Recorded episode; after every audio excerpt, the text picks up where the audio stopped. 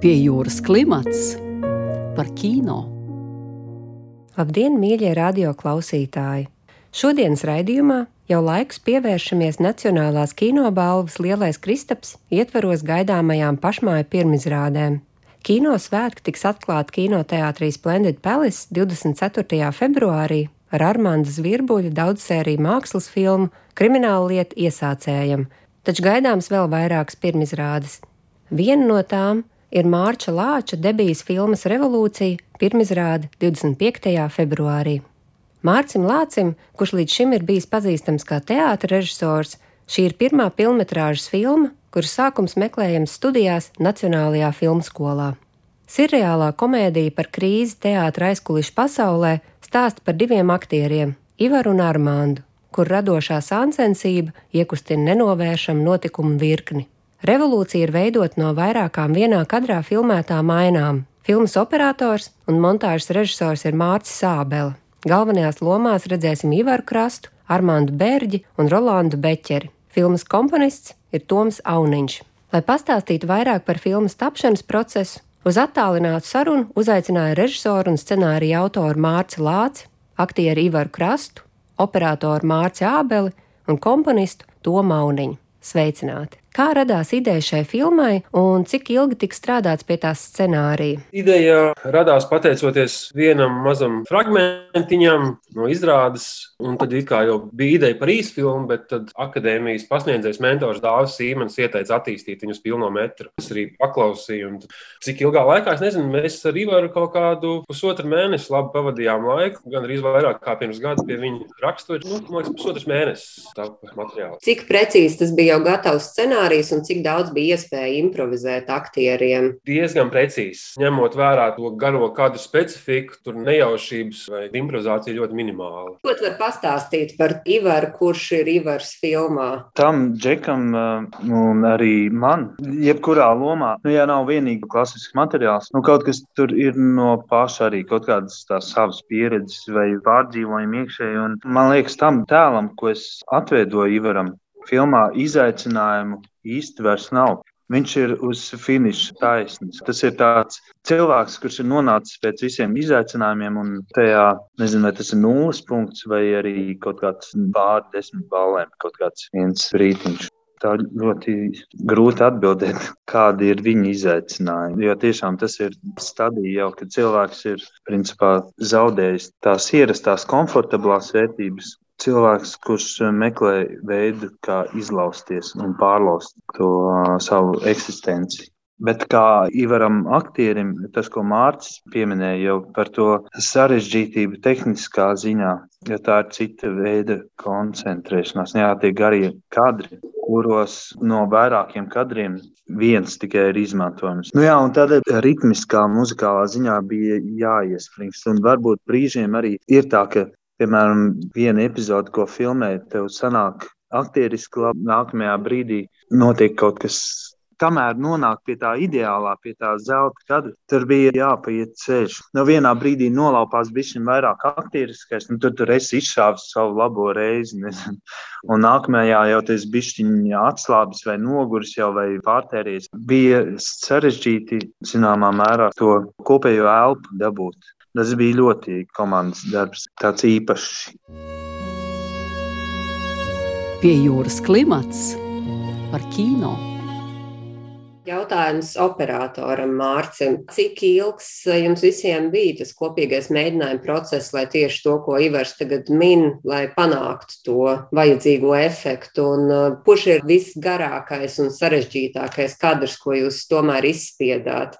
Katrai filmēšanas dienai mums arī pirms tam bija atvēlēta pusdiena mēģinājumiem. Izmantojām mobilo telefonu un izgājām cauri to mizanscēnu, jau uzstādījām, lai filmēšanas dienā būtu gatavi filmēt tieši to, kas ir ieplānots. Plus vēl skaņotājs, gaismotāji, aktieri. Bet sarežģītākais kadrs laikam ir tas garākais, kas mums ir eh, desmit minūšu kadrs. To, kad mēs filmējām pieteikumu un taisījām traileri, mums izdevās viņu uzfilmēt trešajā, ceturtajā reizē. Bet šeit šoreiz kaut kā tikai ar desmito reizi mums izdevās to izdarīt. Un šeit visu cieņu Ivaram. Desmit reizes pēc kārtas bija jārunā trīs minūšu garš monologs, kas ir Rainas sākumā. un pēc tam vēl atliek 7 minūtes nospēlēt. 8. un 9. dublī, kad viss bija jau ļoti labi, mums gadījās vēl viens tehnisks negadījums, pusminūte pirms kadra beigām. Un tad gribās meklēt vainīgo, bet tad ir dziļi jāielpo un jāsaprot, ka šis process jānoved līdz galam. Tas tāds komandas darbs, un neviens jau īsti negrib bilst garumā. Visi jau grib izdarīt labi un pabeigt. Bet kopumā tur ir režisora tēls, kuram bija jātēlo noguris. Režisors desmitajā dublī viņš izstāsta ļoti noguris. Jums bija arī kopīga viena kadra filma, kas bija Mārcis tev skolai. Tur arī Mārcis Sābel bija operators. Vai no šī darba radās ideja tieši šādā vizuālā stilistikā veidot arī revolūciju, vai tas jau bija pirms tam izdomāts? Tas droši vien palīdzēja tikt skaidrībā, ka tāds varētu būt tas koncepts. Jo ar to darbu droši vien es to smeķu sajūtu, ka tas būtu kaut kas pašam interesants. Nevis atstrādāt kaut ko, bet paeksperimentēt jau bišķi citādā līmenī. Droši vien, ka tas bija kā impulss, lai domātu tādā virzienā un attīstītu scenāriju. Izaicinoši un grūti tas bija. To, to arī spēlē filmā, un tu esi arī filmas mūzikas autors. Kurā brīdī tu jau sāki radīt to muzikālo pavadījumu filmai? Daļa bija radīta jau pirms filmēšanas, tāpēc ka daļa no skaņu celiņa filmā iekļaujas diegētiskā formā, kas nozīmē, ka skatītājiem ir redzama tā mūzikas izcelsme, kuru viņš arī dzird, skatoties filmu. Līdz ar to bija jāsagatavo pat vairāki, sauksim tos par priekšnesumiem. Turklāt ļoti dažādi, viens no otra ļoti atšķirīgi un atšķirīgās formās. Līdz ar to kaut kāda puse no skaņu celiņa jau bija gatava uz filmēšanas sākumu. Pie jūras klimats par kino.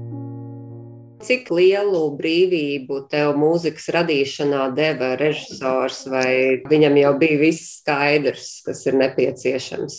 Nu, šis ir no manas perspektīvas pats brīnišķīgākais elements gan šajā konkrētajā darbā, gan arī manā sadarbībā ar Mārci Lāci. Jo es zinu, kad man ir jāraksta mūzika viņa darbiem, vai tās ir izrādes vai filmas.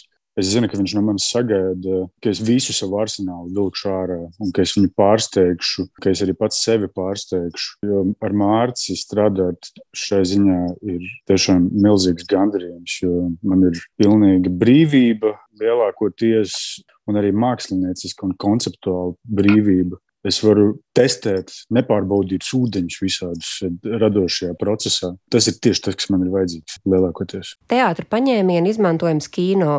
Kas jums pašiem bija vislielākie izaicinājumi un arī interesantākais tajā? Kā jūs visi kopīgi atradāt to vidējo aritmētisko, kā apvienot šīs abas valodas?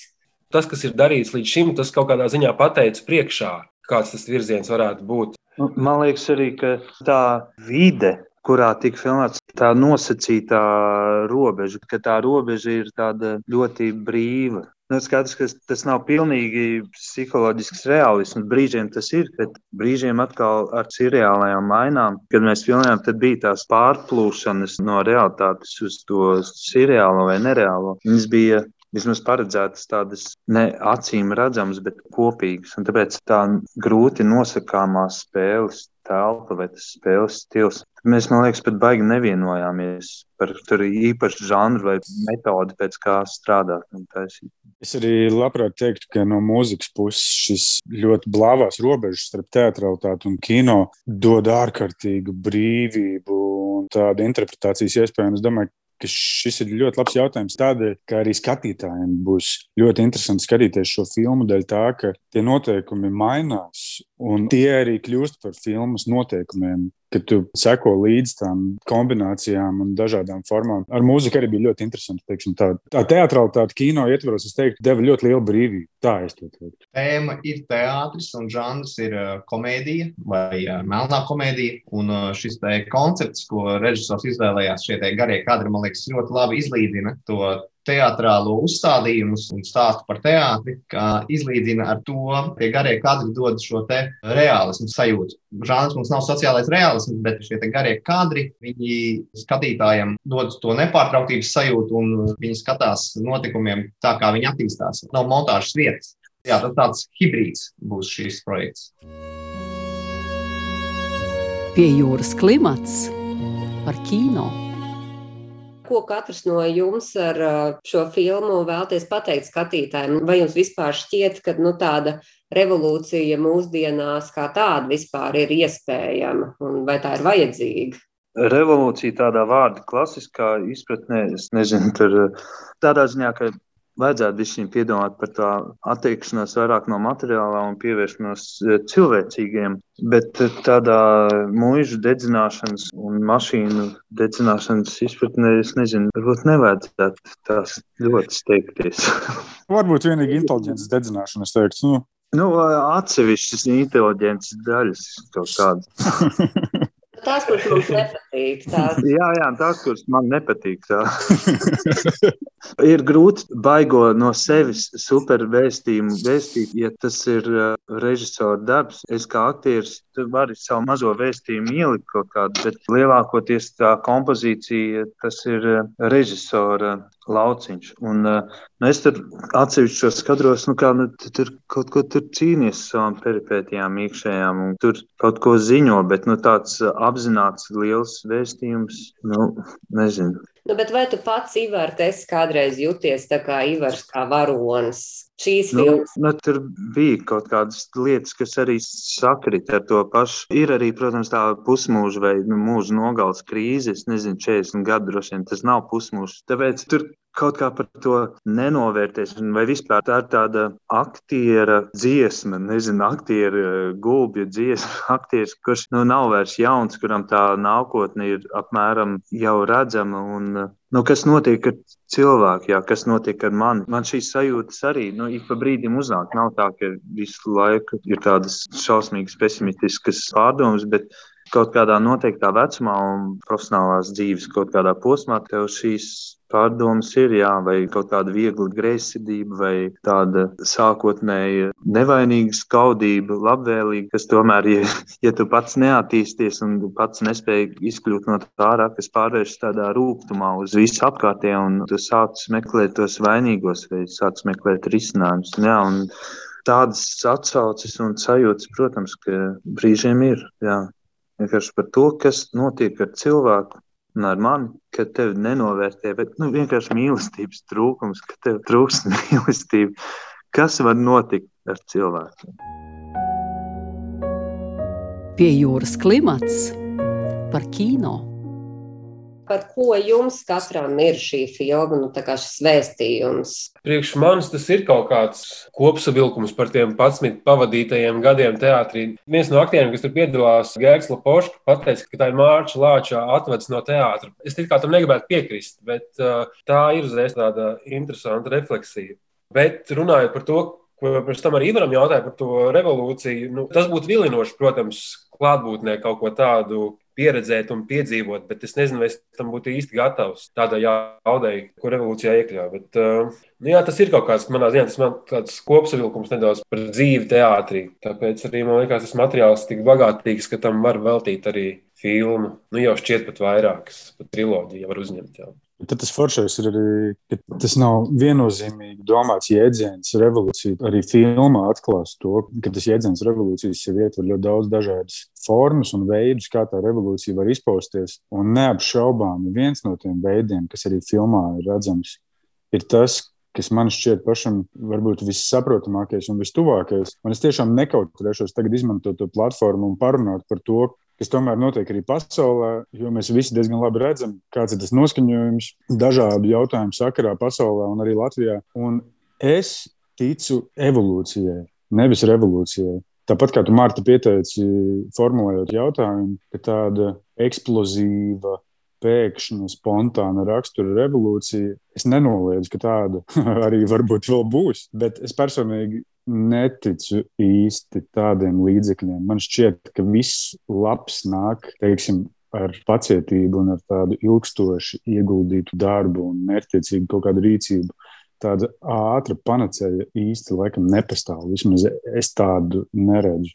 Es redzu tādu garlaicīgu, lēnu, vienmuļu evolūciju, kas noved pie kaut kāda kārotā rezultāta. Jā, man šķiet arī, jā, ka es negribēju to teikt. Mārcis pats apstiprināja, ka tās ir viņa atvadas no teātra. Kā izstāsta, šis ir eh, tāds noslēgums, iespējams, Lāča radošajai. Nē, nē es, es, tas, tas ir pārspīlēti teikts, protams. Bet uh, revolucionāri bija šis, ka mēs uztaisījām filmu filmu septiņās dienās ar salīdzinoši mazu budžetu, par ko jāpateicās Kultūra Elpas projektam. Es nezinu, vai šo varētu saukt par B klases filmu vai C, bet filmu ir uztaisīta maza grupa, 7, 8 dienas, un darbu var paveikt. Titros ir vairāk kā 60 cilvēki, vai pat vēl vairāk. Bet uz laukuma es teiktu, ka ir no 10 tehniskie, tad uh, aktieri mums jau var tur tā 5, 10 kā kuru dienu. Viss notika Āgānskalnā, lokācijā, ko Lācis labi pārzināja. Un jau scenāriju rakstīja un pielāgoja attiecīgi pēc arhitektūras, kāda ir. Labi pārzinot šo teātri, Un kas vēl interesants fakts, ka tur notika arī remontdarbi, kurus mēs nevaram pabīdīt uz priekšu vai atpakaļ. Ir Covid ierobežojumi, grafiks ir saplānots, septembrī ir jātaisa teātris vaļā. Un tad eh, tas arī labi integrējās ar stāstu, jo stāstā arī ir jūtams šis te teātris atjaunināšanas darbi. Tas kļuva par vēl vienu elementu. Pie jūras klimats par kino.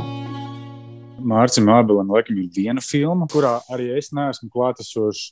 Un par Mārcis Lācu šajā gadījumā labāk vispār nerunāsim. Nu, desmit gadu laikā tās reizes, kad mēs neesam kopā darījuši kaut kādas lietas, ir ļoti, ļoti maz. Šis ir jau tāds tandems, laikam. Tā šķiet, jā.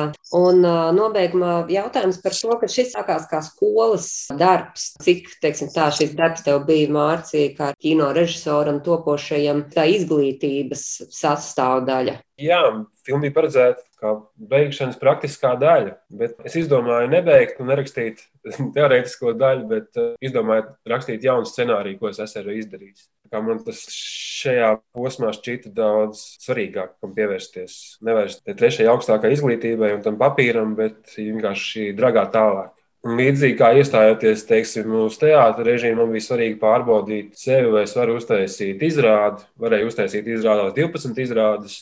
Tad es ceru, ka ar kino varētu būt līdzīgi. Lielas paldies par sarunu!